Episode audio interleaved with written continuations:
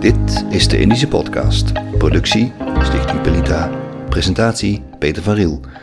Vandaag boeken. Goedendag. Na de al dan niet zwijgende vaders zijn het nu de altijd aanwezige moeders die hoogtij vieren in de Indische literatuur. Adriaan van Dis, Marion Bloem, Regie Baai, ze gingen Jan Brokke en Philip Dreugen al voor. Zelf vond ik een van de mooiste voorbeelden van de grootmoederfiguur in dit geval, dat van Alfred Birney, getiteld Vogels rond een vrouw uit 1991. Maar dat komt waarschijnlijk vanwege het mystiek Chinese element dat erin besloten ligt. Al die boeken over moeders lijken iets van een schuldgevoel te belichamen. Ze verschijnen meestal na de dood of tegen het einde van het leven van de materfamilias. Is het inmiddels een genre geworden? Je zou het haast denken. Rode draad in al die boeken is het niet hebben kunnen voldoen aan de verwachtingen. Adriaan van Dis en Arnon Grunberg zijn daar prachtige voorbeelden van. Maar dat het beeld ook kan kantelen, bewijst Frank van der Linden in En Altijd Maar Verlangen uit 2020. Niet Indisch overigens. En nu zijn er, dan, zijn er dan de boeken van Jan Brokke en Philip Dreugen. Jan Brokke schreef De Tuinen van Buitenzorg. Die laten we even links liggen. Maar we gaan verder met Philip Dreugen. Hij schreef in eerder al twee werkelijk prachtige boeken over Indonesië. In 2015 verscheen In de schaduw van Tambora. En daarin beschrijft de auteur de wereldwijde gevolgen van de vulkaanuitbarsting op het eiland Sumbawa in 1815.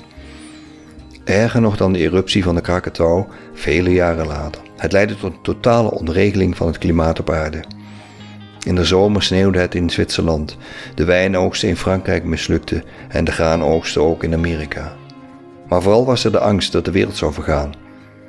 Er is weinig fantasie voor nodig om een link met de huidige pandemische tijden te leggen.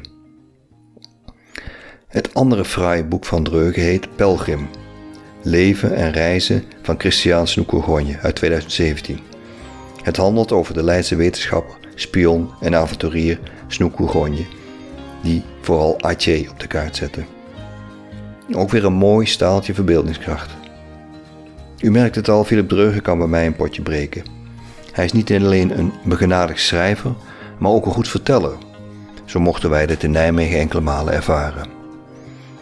En deze lange aanloop brengt mij dan bij zijn nieuwe boek van ruim 400 pagina's, waarna nog eens 40 pagina's verantwoording volgen. En dat laatste zie je de schrijver zijn zorgvuldigheid, zonder irritant volledig te willen zijn met enorme voetnoten en eindeloze literatuuroverzichten. Losjes, soepel en als een reisverslag opgebouwd zet hij in Moederstad, Jakarta en familiegeschiedenis uiteen hoezeer zijn eigen afkomst is verbonden met de Indonesische hoofdstad. Hij weet in elk klein detail sporen van het verleden te vinden. Want wie Jakarta wel eens bezoekt weet hoeveel moeite je moet doen om iets van geschiedenis terug te vinden. Daar is dikwijls veel verbeelding voor nodig. En die heeft Dreug in hoge mate. En veel humor bovendien. Hij vertelt trots dat hij verre familie is van Wietek van Dort, Andy Tielman en Giovanni van Bronckhorst. Om even later te relativeren dat alle Indo's eigenlijk met elkaar verbonden zijn, als je maar ver genoeg teruggaat in de tijd. Grote en kleine geschiedenis met elkaar verweven, dat kan hij als de beste. Hij weet historische figuren en gebeurtenissen tot leven te brengen maar ook de harde realiteit van een stinkende stad die tot zinken gedoemd is. Misschien is deze Big Durian er over honderd jaar niet meer.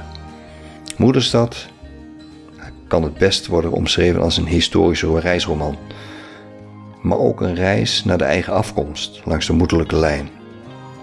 De auteur liet zijn DNA testen en blijkt 80% Europees, 9,5% Javaans, 9,5% Chinees en 1% Papua te zijn voor wat het waard is. In de apartheidskolonie die Indië heette, wilde men zo blank mogelijk zijn. Vandaag de dag koketteert men met het bruine Indische. Het kan verkeren.